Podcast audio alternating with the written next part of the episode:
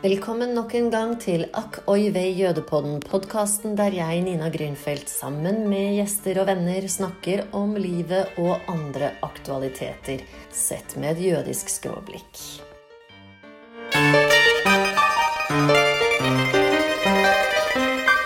Ja, det blir på svensk det här Kenneth. Välkommen tillbaka till eh, Ack Akk oi vei jødepodden.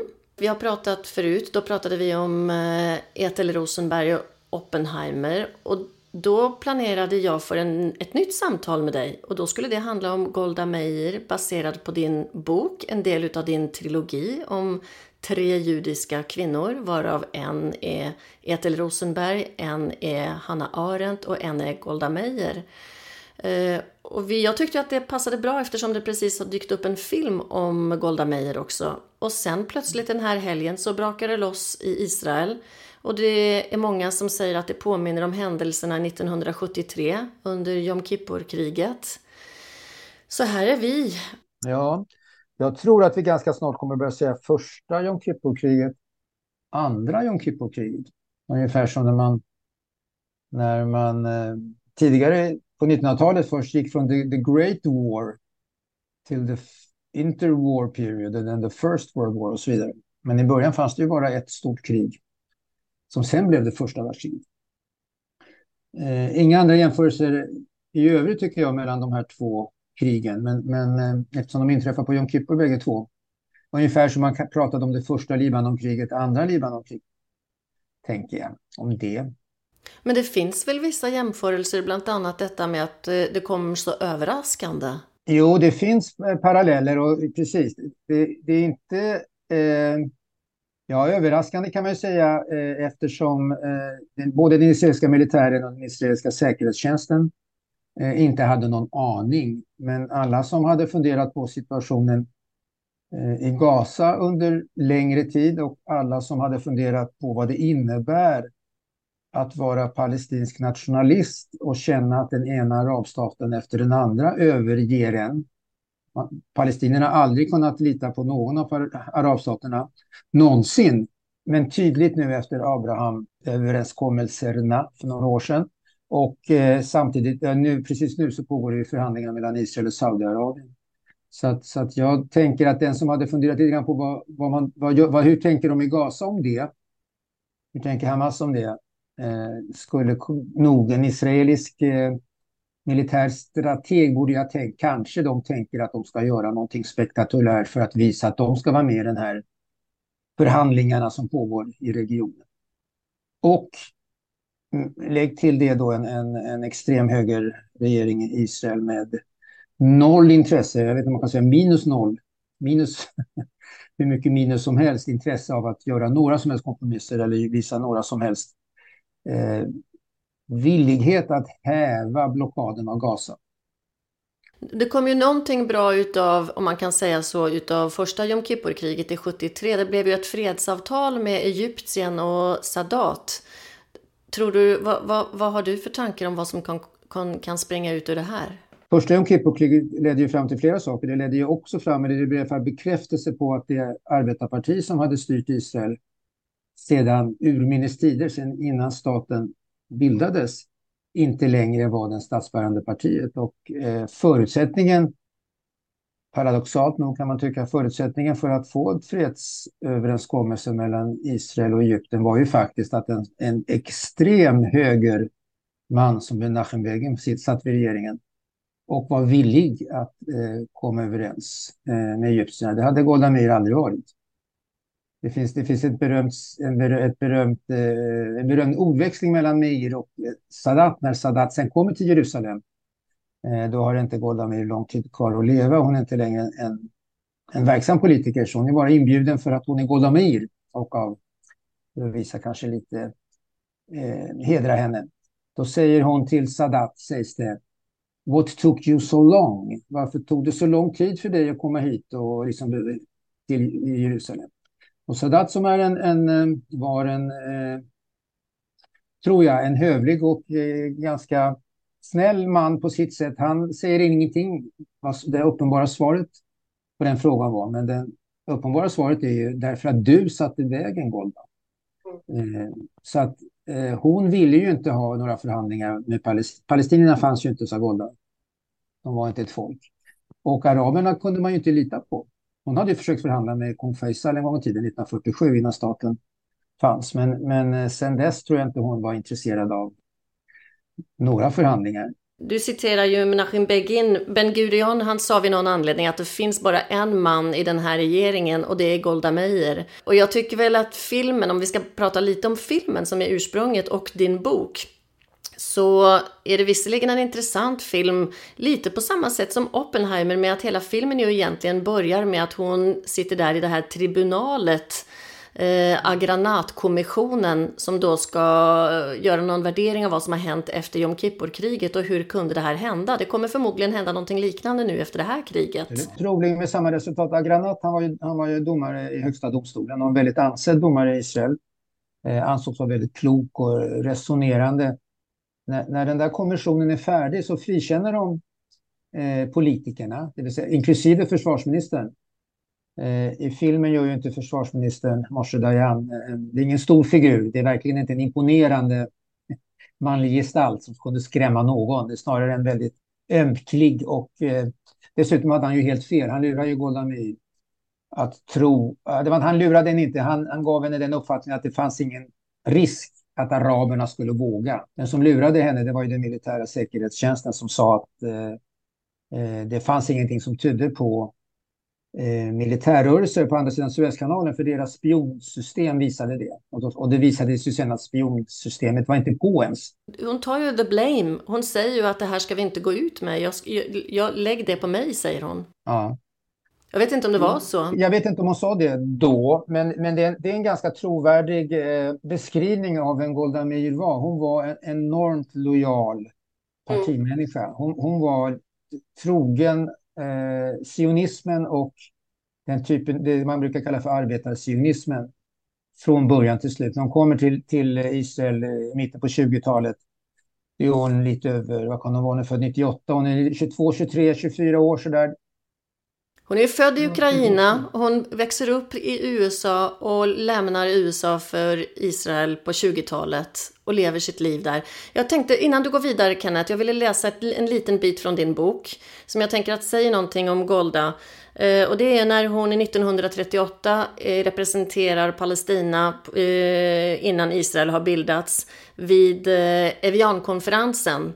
Och det är ju Roosevelt som har tagit initiativ till att alla länder ska träffas så att han och USA egentligen ska släppa ta emot den här vågen av judiska flyktingar som finns nu efter nazismens framväxt i Tyskland och i Europa i och för sig. Plus Österrike också, de har ju tagit Österrike också. Precis. Det är hundratusentals människor som vill lämna. Ja, och Sudetenland har redan, har han också gått in i hösten, eller ja, det kommer ju i och för sig den hösten. Men eh, då skriver du i din bok eh, att Golda säger så här. Det lärde jag mig vid Genevsjön. Om det ska stå något på min gravsten så är det detta. Aldrig mer beroende av någon annans generositet. Aldrig mer beroende av någon annan, punkt. Nej, det ska inte stå någonting på min grav och inga gator får uppkallas efter mig, inga torg heller, inga personkult, det förbjuder jag. Min enda rädsla är att leva för länge. Jag tänker det säger ganska mycket. Det är, ju, det är ju din pjäs om henne, men du citerar kanske henne här, eller? Hon ville inte ha någon fullt kring sig. Alltså, de här andra böckerna, där pratar jag ju om, om, om Hanna Arendt. Henne kallar jag ju inte Hanna. Eh, det skulle Arendt aldrig tillåta, utan det, jag, jag kallar henne Arendt. Och så hade jag varit lite mer formell, jag kanske kallat henne för professor Arendt också.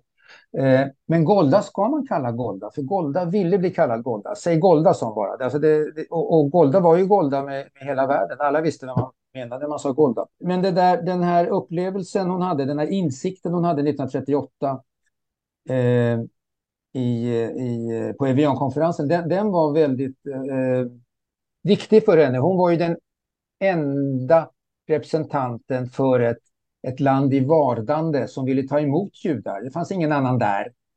Eh, inte, inte Sverige och inte de andra nordiska länderna, inte, inte USA. Inte, Storbritannien vill inte ha några judar i Storbritannien och de vill inte ha några fler judar i Palestina. Men, men Golda ville ju det.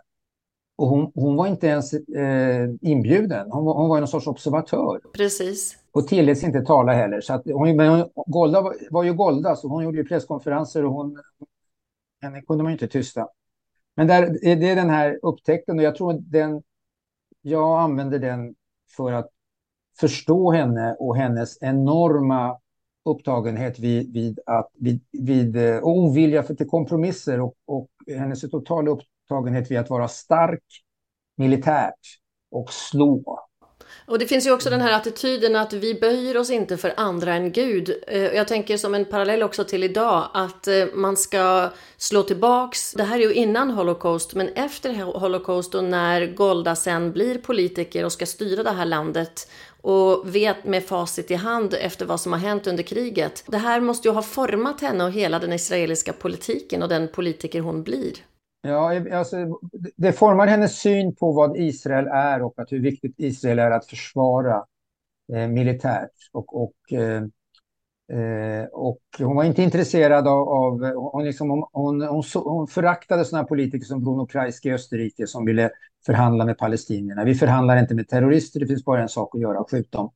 Eh, det, det, var hennes attityd. Men, men, men, som politiker så börjar hon ju inte i den änden, utan hon börjar med att bygga landet. Hon, hon är ju, hon, innan hon blir politiker så är hon kibbutznik och då är hon, då är hon ansvarig för äggproduktionen på sin kibbutz. Och så plötsligt så visar det sig att det, Goldas hönor producerar mer ägg än no, några andra och hon blir liksom uppburen där som hennes man är inte, inte totalt imponerad av att det ska handla så mycket om ägg i deras liv. Eh, men så småningom så blir hon ju eh, någon sorts infrastrukturminister. Det är en väldigt stor, det är så, brukar kallas ibland för ekonomiminister, men det är inte finansminister hon blir, utan hon blir hon är ansvarig för att bygga vägar och ansvarig för att bygga hus till hundratusentals eh, nya invandrare. Hon blir ansvarig för att på något sätt få ekonomin att funka och människors liv att funka. Det är ett väldigt stort fögderi. Och det trivs hon jättebra med. Vad som händer sen är att hon blir, Ben Gurion behöver henne. Ben Gurion behöver bli, bli av med en konkurrent och, då, konkurrent och då behöver han henne som utrikesminister. Det är inte hennes grej egentligen. Hon är inte diplomat, hon gillar inte att vara diplomatisk. Hon är en sån här mästare på one-liners, på, på att vara drastisk och, och kul. Och eh, kanske inte så, inte så eh, analytisk och eh, taktisk eller så. Utan hon, hon tycker att man, man behöver inte snacka så mycket, man bara tar reda på vad som behöver göras och så, och så gör man det. Hon är väldigt praktisk, hands-on. Men hon pratar ju eh, perfekt engelska. Och hon har amerikanernas öra. Eh, och Ben Gurion har redan tidigare, tidigt insett att hon hade en väldigt stor talang och det var att få loss pengar från amerikanska judar. Eh, så hon skickas på tiggarresor, snorra som det heter på jiddisch, eh, gång på gång till USA. Eh, och ibland går det bra, ibland är det ekonomisk kris, då går det inte så bra. Eh, men man brukade, det, det sades om att hon pratar så väl, hon pratade engelska då perfekt och så lägger hon in lite jiddisch som hon också pratar perfekt. Så att hon pratar, hon pratar, det, man blir så berörd i USA, de som lyssnar på henne, att kvinnorna gråter och männen tar fram checkhäftet. Vad man sa när Golda pratar. Och den sista gången då, 47 hon är där, jag tror det är 47, Alltså precis när, staten, när delningsplanen har gått igenom och staten, då behöver ju Israel köpa vapen. Då får man ju köpa vapen. Man har ju smugglat vapen och man har gömt vapen under britterna, men nu kan man göra det öppet. Och då behöver man pengar. Och då åker Golda till USA igen, får ihop, om jag minns rätt, 30 miljoner dollar. Det använder Ben Gurion för att köpa vapen från Tjeckoslovakien. Och sen säger Ben Gurion, som också har hört till bilden av Goldas eftermäle, eh, att en dag kommer man att säga att den här staten grundades, eller den här statens öde, staten bildades på grund av en judisk kvinnas insatser, det vill säga Goldas. Eh, så att när han säger att hon är den enda mannen i regeringen, det tyckte inte Golda om. När, hon, när han säger att det är tack vare dig som staten Israel finns, det gillar hon. Men du kallar ju också din bok eller essayet Den motvilliga feministen. Ja. Både när man i och för sig ser filmen, den handlar ju i och för sig inte mycket om det. Jag är inte så där jätteförtjust i filmen. Jag vet inte, vad tyckte du om filmen egentligen? Jag, jag, jag är väldigt kluven till filmen. Jag, jag, jag hade in, inte tråkigt under filmen i en sekund. Jag, jag är annars en person som är totalt ointresserad av militära slag och så. Här. Det är väldigt mycket militärt där. Men, men, men, det var så mycket där som stämmer överens med det jag har eh, kunnat vaska fram om Golda.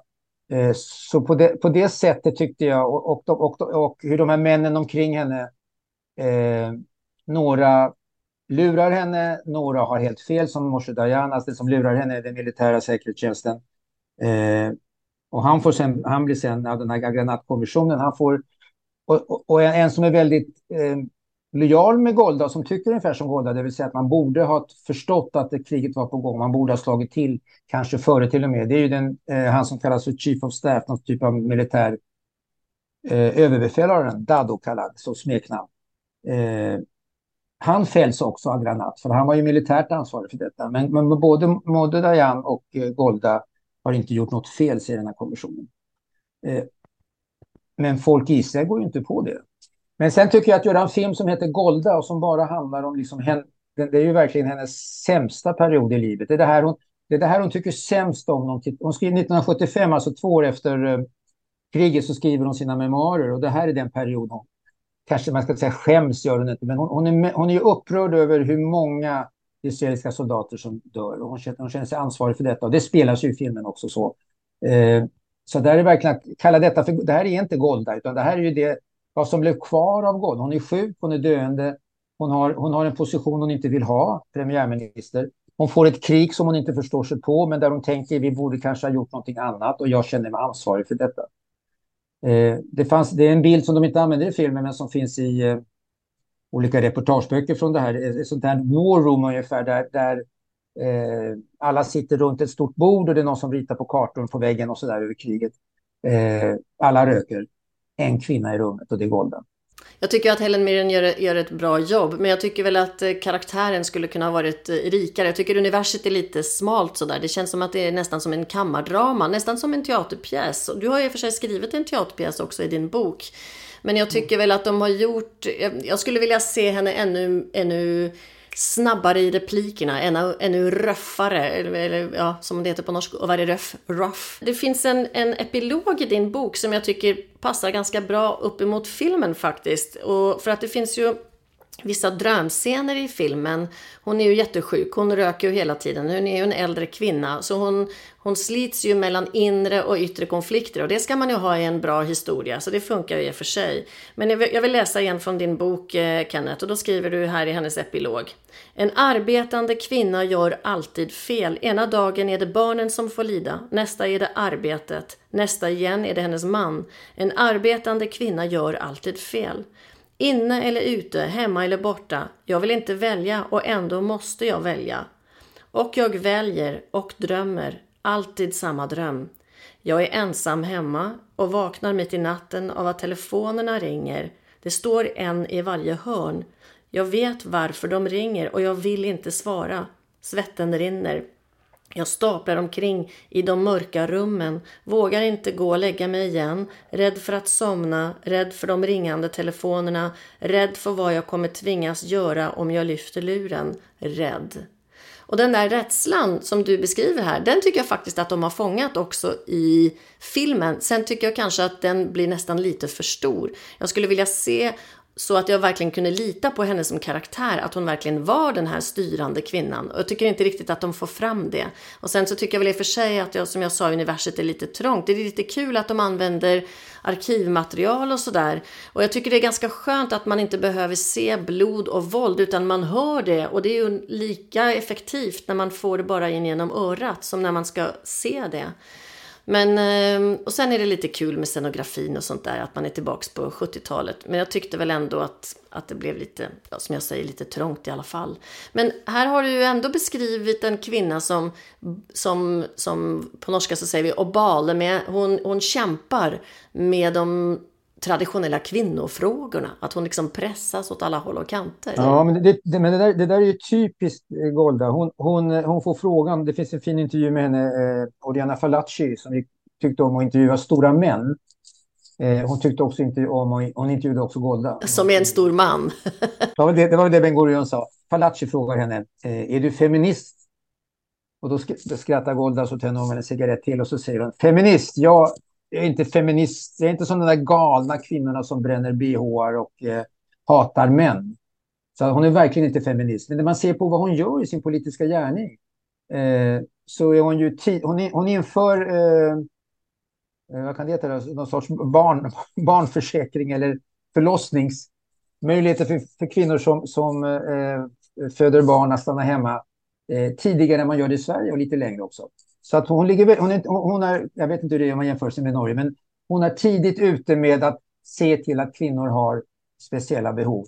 Eh, när hon är på kibbutzen så tycker hon, in, hon, är inte, hon är inte radikalfeminist säger hon, hon tycker inte att kvinnor och män nödvändigtvis måste göra samma saker. Så att om kvinnorna sköter marktjänsten och männen försvarar kibbutzen, det tycker hon är okej. Okay. Så när männen kommer tillbaka från tjänstgöring, då sitter Golda där med mackor och te och, och tycker om att sitta och snacka med grabbarna.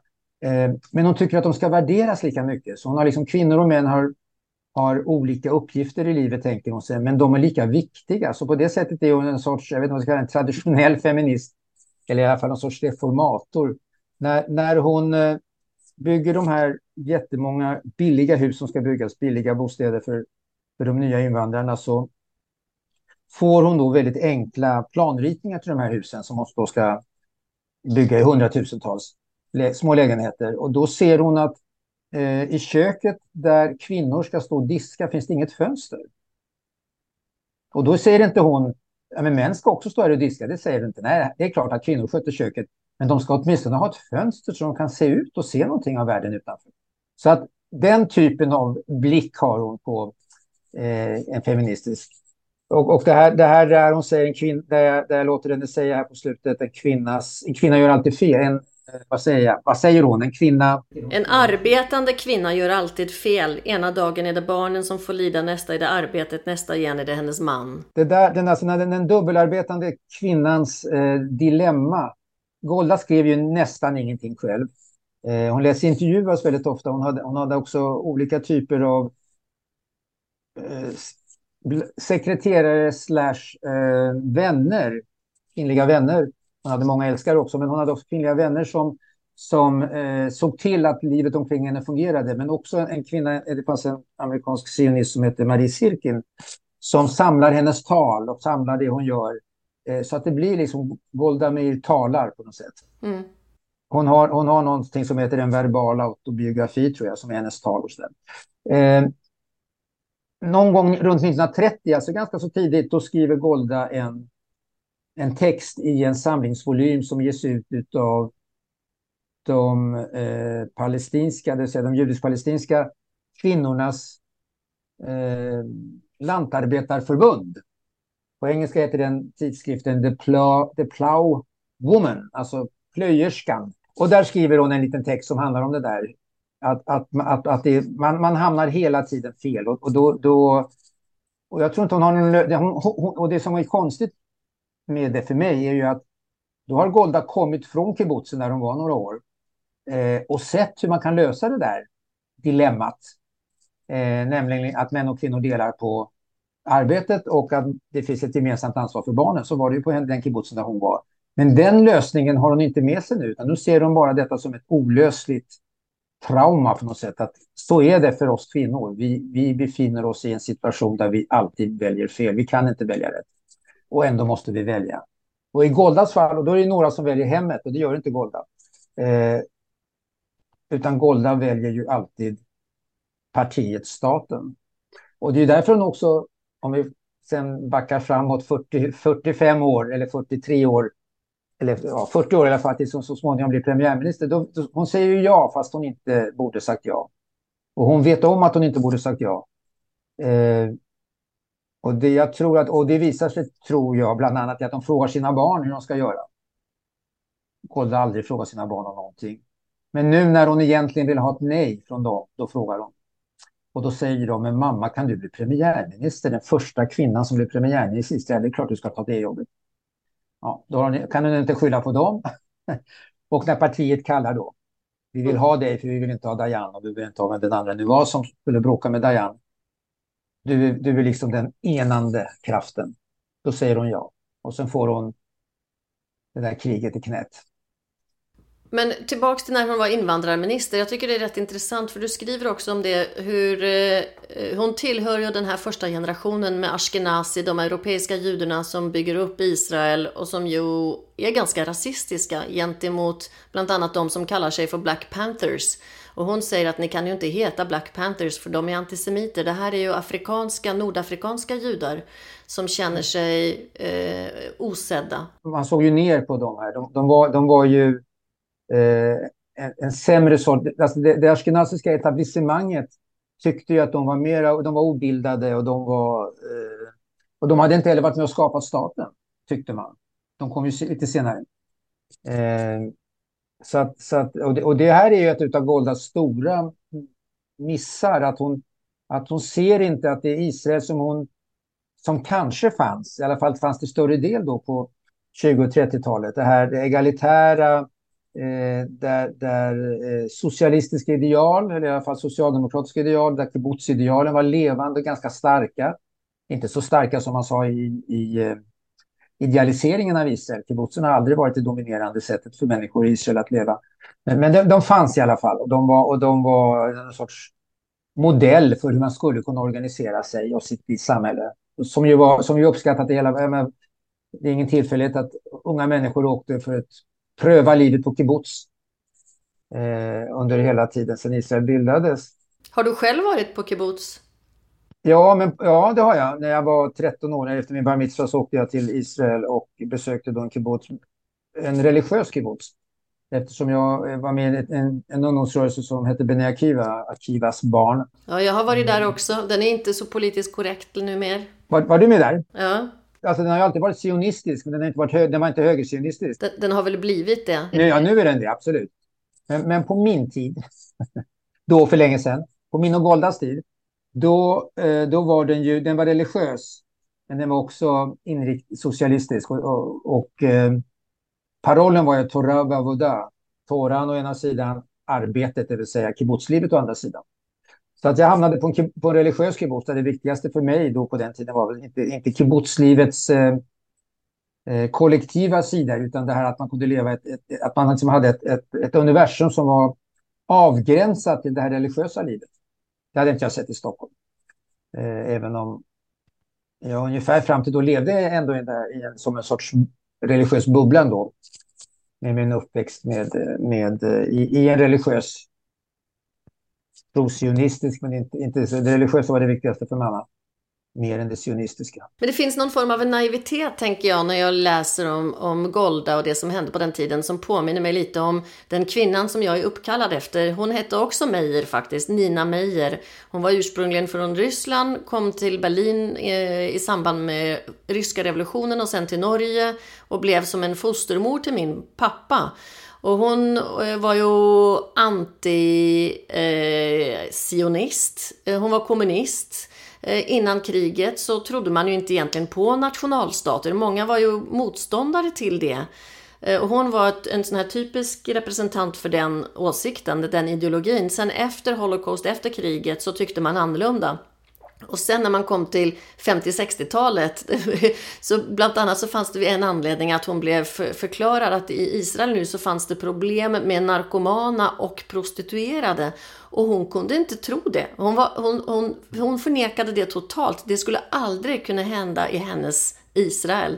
Och det känns ju lite som att Golda också, när hon inte förstår hur viktigt det är att få med dem sefardiska, de nordafrikanska judarna, de som kommer med Mesrachim från, från eh, Mellanöstern, så, så de, de ser inte riktigt vart de är på väg helt enkelt. Din Meir, din Meirs syn på, eh, på en sorts internationalism eller globalism, kanske färgad då i hennes fall av en kommunistisk grundsyn, något liknande hade ju Golda Meirs man, Morris. Han var, inte, han var inte sionist, han var inte nationalist. Han sa det är inte, det är inte för att, för att det finns för få nationer som judar plågas. Det är för att det finns för många nationer. Så att han var en, en sorts internationell globalist egentligen. Men så ville han vara med Golda, då fick han ju snällt följa med Golda till Palestina. Annars hade han aldrig hamnat i Palestina. Eh, men det där, det där som, du, som vi nu pratar om, hur, hur Golda inte ser att Israel blir någonting annat när det kommer, eh, när den här första generationen som hon tillhör, hon är inte den första invandringsvågen, men den första som bygger, liksom konkret bygger staten.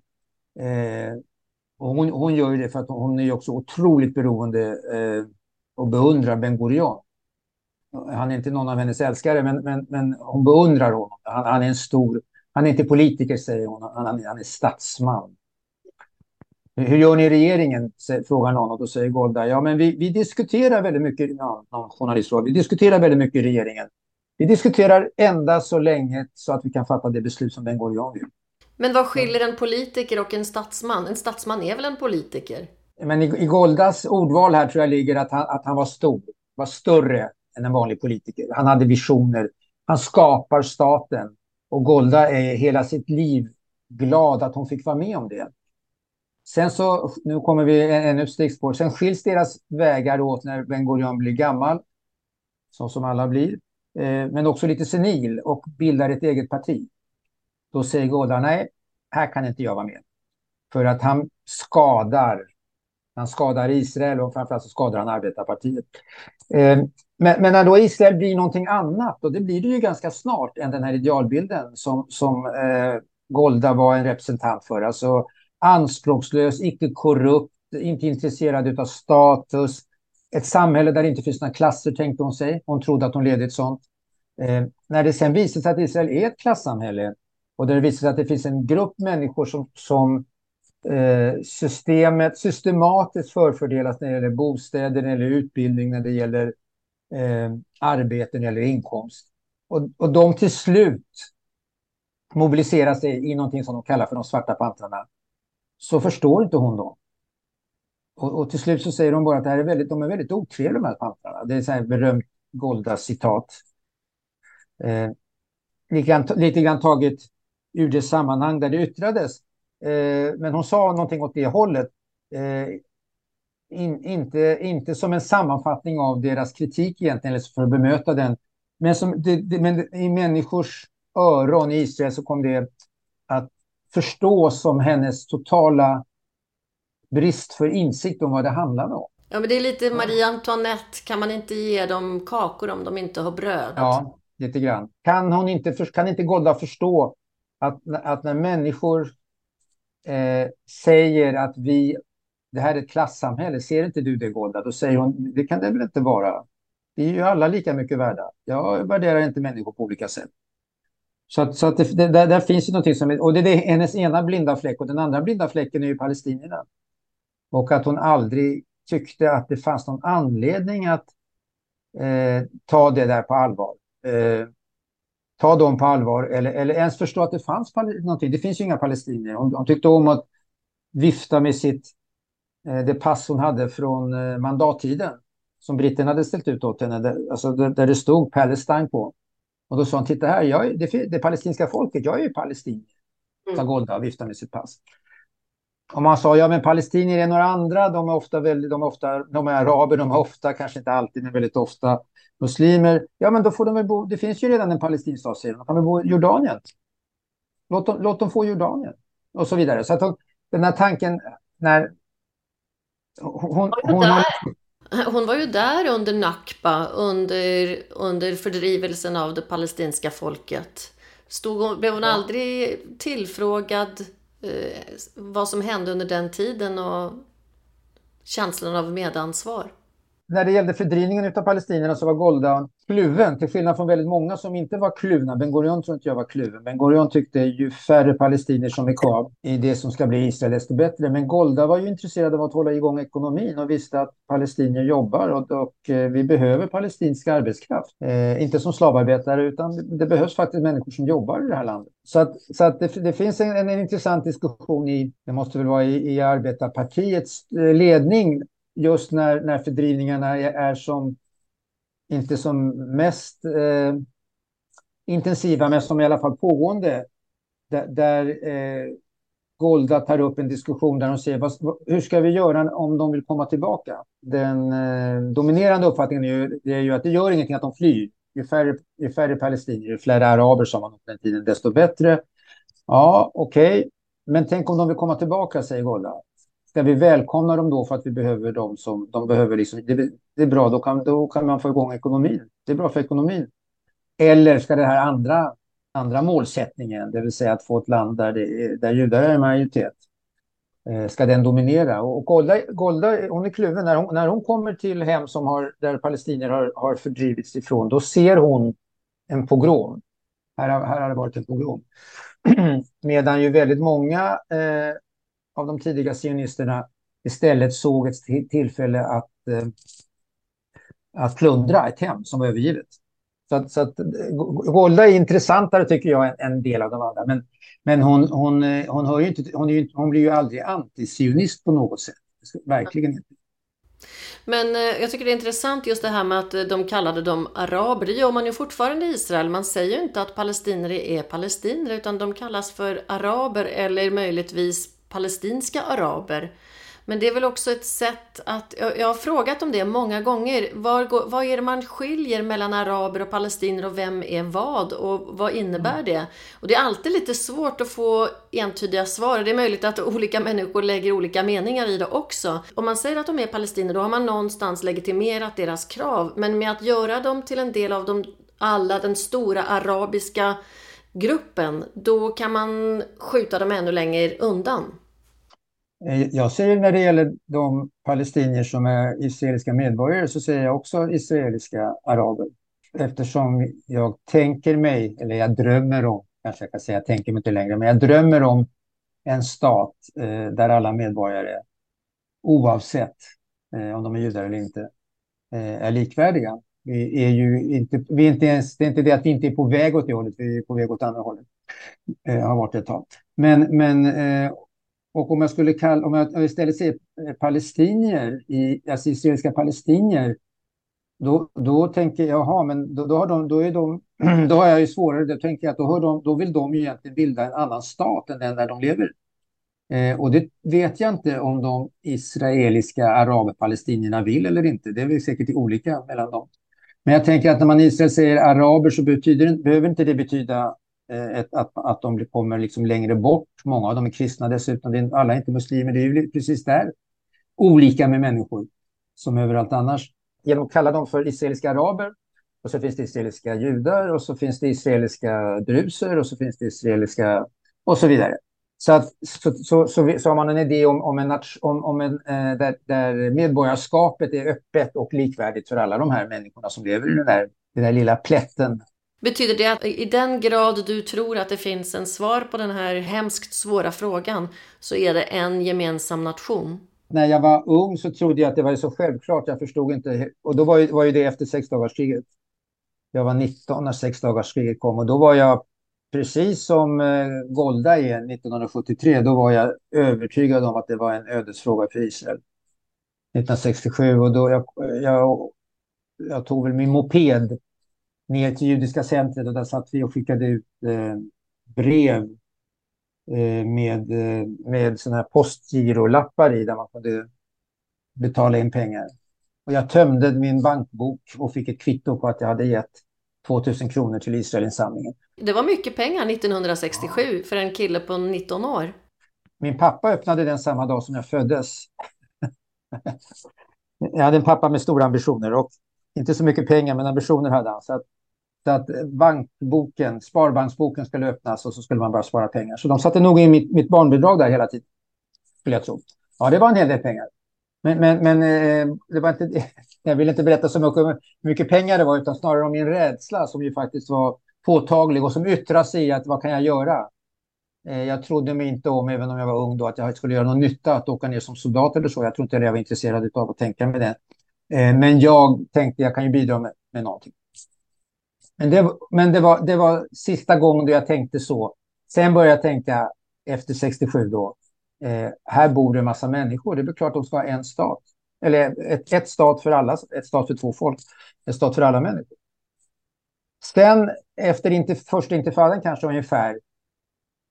Då börjar eh, palestinska krav eh, och, och kanske, kanske det också kopplat till så småningom till Osloprocessen, Osloavtalen, som ju var ett, ett fredsavtal mellan, mellan Israel och palestinierna, mellan Israel och PLO i första hand, mellan Rabin och Arafat om man vill personifiera 1994 eh, och som talar om två stater, en stat då på Gaza, Västbanken Eh, och en, eh, en process för att komma dit. Det var, det var väldigt hoppfullt.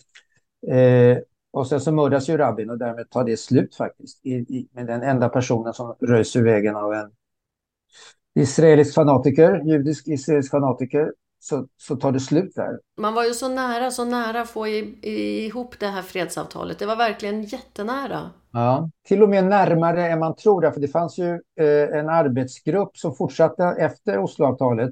Och efter det att eh, Arafat och eh, Rabin hade skakat hand på Vita husets gräsmatta så fortsätter arbetsgrupper att diskutera konkreta steg i den här processen som ska etablera de här två staterna bredvid varandra. Någonstans i Schweiz tror jag. Eh, och jag har hört en historia, jag vet inte om den är sann, men jag har hört en historia att man kom ganska långt i de här förhandlingarna någonstans i Schweiz. Eh, och när den, och det, när den israeliska delegationen ska komma då med det man har kommit fram till över till, eh, åker hem med det till Jerusalem sen för att få det på politisk nivå. Ser, då, vill man inte, då vill man inte visa det för Simon Peres som då var utrikesminister. För man tror kanske att han inte kommer att vara tillräckligt eh, lyhörd för det som den palestinska sidan säger, utan man väntar tills man får tillfälle att träffa Rabin. Och så mördas Rabin. Så, att, så nära var det att det hade fått ytterligare ett steg. Så det kan man ju påminna sig att det kanske är den där konflikten som nu pågår och som nu verkar olöslig. Eh, just då var nästan möjlig att lösa, i alla fall att föreställa sig som en lösning. Men då kommer man så att efter det här, när palestinier börjar prata om att en egen stat, då tänker jag att eh, vem är jag då att säga nej, ni ska inte ha en egen stat, vi ska ha en stat för, för alla som bor i området. Det blir också mycket mer ekonomiskt eh, livskraftigt. Det är så ett litet land, det är så trångt, men om man lägger ihop Västbanken och Gaza och Israel så får man i alla fall ett, ja, en yta som Belgien eller något sånt där, vad det kan vara. Och då kanske det, ni får plats, alla som bor där, och ni kan liksom utveckla ekonomin och samhällena tillsammans. Så det blir ett mångkulturellt eh, samhälle med jättefina badstränder. Så där tänkte jag inte säga då. Och då gick jag istället, då blev det tvåstatslösning. Eh, och sen så har ju bosättarpolitiken sedan 1967 och framåt omöjliggjort det nu för all practical purposes. Det finns, det finns ju ingen möjlighet att tänka sig annat än på någon löjlig konstruktion. Eh, en palestinsk stat på Västbanken med tanke på hur, hur hela landet är fullt av judiska bosättare. Om man inte gör någon typ av fruktansvärd eh, folkförflyttning mot människors vilja med mycket Många offer kommer det i så fall att krävas nu är det ju nattsvart. Nu, nu är det så mörkt som det kanske har varit någon gång. Ja, alltså du nämnde ju faktiskt eh, Kreisky, Bruno Kreisky, som var en judisk eh, österrikisk statsledare efter kriget. Och ja. eh, det sägs ju faktiskt att under första Jom Kippur-kriget, om vi säger så nu då, i 1973, så hade han kunskap om vad som var på gång därför att han var i dialog med PLO och Arafat. Och att det, var ett, det kändes som ett svik för Golda Meir att eh, han inte delade den kunskapen om jag förstod det rätt. Jag tänkte på det, men hela filmen börjar med att Golda kliver ner från ett flygplan och kommer från Kreisky, kommer från en Österrike. Där har hon, har hon haft ett bråk med Kreisky. Kreisky, Österrikes judeflykting i Sverige under kriget. Socialdemokrat, han är god vän med Olof Palme, Willy Brandt. Han gifte sig väl med en svensk kvinna också? Det är mycket möjligt, det har jag inte jag koll på. Eh, han var ju mycket mer för dialog med palestinier och, och var en av de första eh, socialdemokratiska ledare som, som eh, det var ingen tillfällighet att de oljeexporterande länderna hade sitt högkvarter OPEC i, i Wien. Det var ingen tillfällighet att han, att han, han sågs på eh, att han kunde krama Arafat, att de liksom hade någon typ av vänskaplig relation också. Eh, Golda och han träffas precis i den här vevan i Wien därför att det, det är en giss, ett gisslandrama som pågår palestinska terrorister har ockuperat ett slott eller, och tagit en massa judiska flyktingar som kommer ifrån Sovjet på väg genom Österrike och ska antingen till Israel eller till USA, i alla fall vidare. Eh, och tagit gisslan där och frågan hur man ska göra. Goda vill inte förhandla och Freisty vill förhandla med dem. Och till slut förhandlar han med dem och så släpper, man, släpper de ju de här terroristerna på fria. Eh, och Golda är skitförbannad på Kreisky och Kreisky förstår sig inte på Golda heller. Tycker hon är Eh, ja, omöjlig, dålig politiker helt enkelt. Hon vill inte förhandla, hon vill inte kompromissa. Mm. Hon är ganska hård helt enkelt. Hon böjer sig inte. Hon var där under Evian. Du vet intressant ja. också. Eh, Folke Chebeo Bakter som var den stora nazistiska tidningen skriver ju efter Evian-konferensen Hela världen är här. Vi bjuder på våra judar men ingen vill ha dem. Och där sitter Golda Meir och är ung som du säger som observatör och ser hur hela världen tackar nej Ingen vill ha judarna. Så att den här, jag, jag ser för mig i alla fall att eh, hennes erfarenhet där, hon vet vad det betyder eh, att bli avvisad. Och hon, hon, hon säger det också i filmen. Jag var i Ukraina när det var pogromer och jag tänker aldrig igen göra som jag gjorde då som liten flicka och kliva ner under bordet. Jag är inte längre den lilla flickan. Det där är en historia som Goda tyckte om att berätta. Den är troligen påhittad, men, men den är väldigt fin. Hon, ser, någon, någon säger, hon, hon blir ambassadör, den första israeliska ambassadören i, i Moskva, därför man tänker sig att om hon kommer från Ukraina, då måste hon kunna prata ryska, eller i alla fall ukrainska. Det kommer att gå bra för henne i Moskva. Hon säger ja, det enda jag minns att jag hörde, säger hon, de åren jag levde i Ukraina, det var hammarslagen när pappa spikade igen fönstren så inte, inte kosackerna skulle döda oss. Så att, eh, och Golda var ju full av den där typen. Men det, men det är som du säger, att i Evian så får hon, får hon en förståelse som hon bär med sig. Det här att aldrig bli beroende av någon någonsin och därmed bara agera utifrån militär styrka. Och det är ju, det är ju en, det är ju en eh, stark position. Men den är också, som för en politiker är den ju väldigt besvärlig för att om verkligheten förändras och kompromisser behövs och hon kanske måste offra någonting för att vinna någonting annat. Golda är inte den typen av politiker. Och på den tiden så fanns det i alla fall en världsopinion som var villig att sträcka sig långt för att förstå varför Israel gjorde som de gjorde. Idag har vi en Netanyahu och världsopinionen är inte med i Israel. Fram till i förrförrgår, innan, innan eh, Hamas-terroristerna tog sin in i Israel, så är ju liksom förhållandet mellan hur många som dör på Västbanken och i Gaza och hur många som eh, dör i Israel eh, väldigt, väldigt ojämnt och har varit så eh, nästan jämt. Eh, med vissa undantag då, till exempel Jom Kippur-kriget, det första Jom Kippur-kriget och nu det andra Jom Kippur-kriget. Men den reaktion som nu möter eh, av sympati, vi står upp för Israel och av fördömande av Hamas. Eh, det drabbar ju inte den israeliska politiken, det drabbar inte eh, Netanyahus extremhögerpolitik. Eh, trots att, att eh, du hade ungefär 200 palestinier hade mördats eller dött i alla fall i, eh, fram till ja, fram till i förrgår, förrgår, fram till i fredags. Så den där obalansen finns ju hela tiden och, och Israel, det, det, är ju någonting och det är väl, jag tänker mig alltid att det är förintelsen som är så stark att den gör det väl, det är inte bara det att Tyskland inte kan kritisera Israel och aldrig kommer kunna göra det. Eh, väldigt många andra länder kan inte göra det heller. Så det, det, där, och, det, och det är ju därför som Netanyahu så fort det kommer kritik säger att det är en antisemitisk kritik. Eh, det, det, är Hitler som talar. Eller, alltså det, Hitler, Hitlerkortet dras ju hela tiden. Eh, all, all berättigad kritik och all oberättigad, allting är antisemitiskt för honom. Och, och det fungerar. Ja. Jo, det är olika. Folk känner nog på det här på olika sätt. Eh, och jag står väl någonstans där mitt emellan. Men eh, hur länge tror du det här kommer pågå? Du är ju lite äldre än jag. Du har varit med lite längre. Där, där kan vi väl lära oss någonting om, om eh, Golda har väl någon replik i filmen också där hon säger att liksom alla krig slutar med förhandlingar. Att man, eh, man, man, man krigar tills man, måste, tills man förhandlar. Eh, den här gången finns det nog ingen som kan tvinga Israel till, att, till förhandlingar. Det, det, en del av de andra krigen, situationerna har Israel varit beroende av försörjning med, med flyg eller med, med någonting annat från andra länder, från USA framförallt, tidigare också ibland från Frankrike. Eh, och nu är de nog inte det, så egentligen har de väl ingen anledning att, att eh, eh, stoppa den här offensiven eller vedergällningen mot Hamas. Eh, men men eh, Hamas har ju minst hundra, kanske flera hundra gisslan som de har tagit, fångar som de har tagit. Och inga utav dessa fångar, eller ingen utav dessa fångar tror jag, i alla fall väldigt få, är ju soldater, det är inte militärer utan det, det, är, ju, det är ju vanliga människor som bodde längs gränsen bara. Civila. Så att det är ett konstigt krig på det sättet också att det, det, är en, en, en terroristattack som riktar sig bara mot civila, nästan bara mot civila. Nu eh, går ju Israel till anfall och då faller också israeliska soldater och så kommer väl några israeliska soldater också tas som gisslan.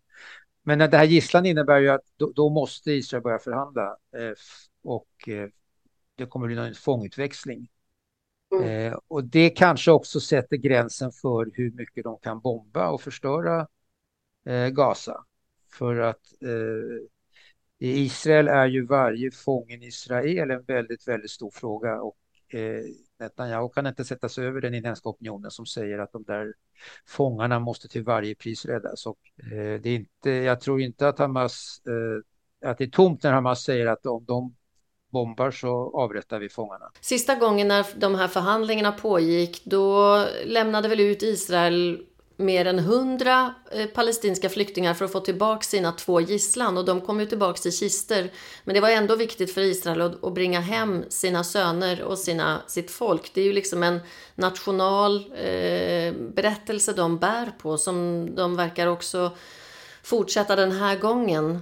Så eh, jag tänker att vi gör som du säger, vi slutar med Golda som säger att en vär krig slutar med förhandlingar. Det kommer nog hända den här gången också. Jag hoppas att det händer väldigt, väldigt snart. Det hoppas jag också. Ja. Tack Kenneth för ett eh, fint eh, andra samtal med dig. Tack Nina. Takk for at du lytter til AKIV Jødepodden. Om du liker denne podkasten, kan du trykke 'abonner' i din foretrukne spiller. Da vil du motta beskjed om når neste episode blir publisert. Dersom du har spørsmål til AKV Jødepodden eller vil bidra med innspill og ideer, send gjerne en mail til post at jodepodden.no. AKOIV Jødepodden er støttet av stiftelsen Fritt Ord. Musikken du hører, er komponert og arrangert av Jens Wendelboe.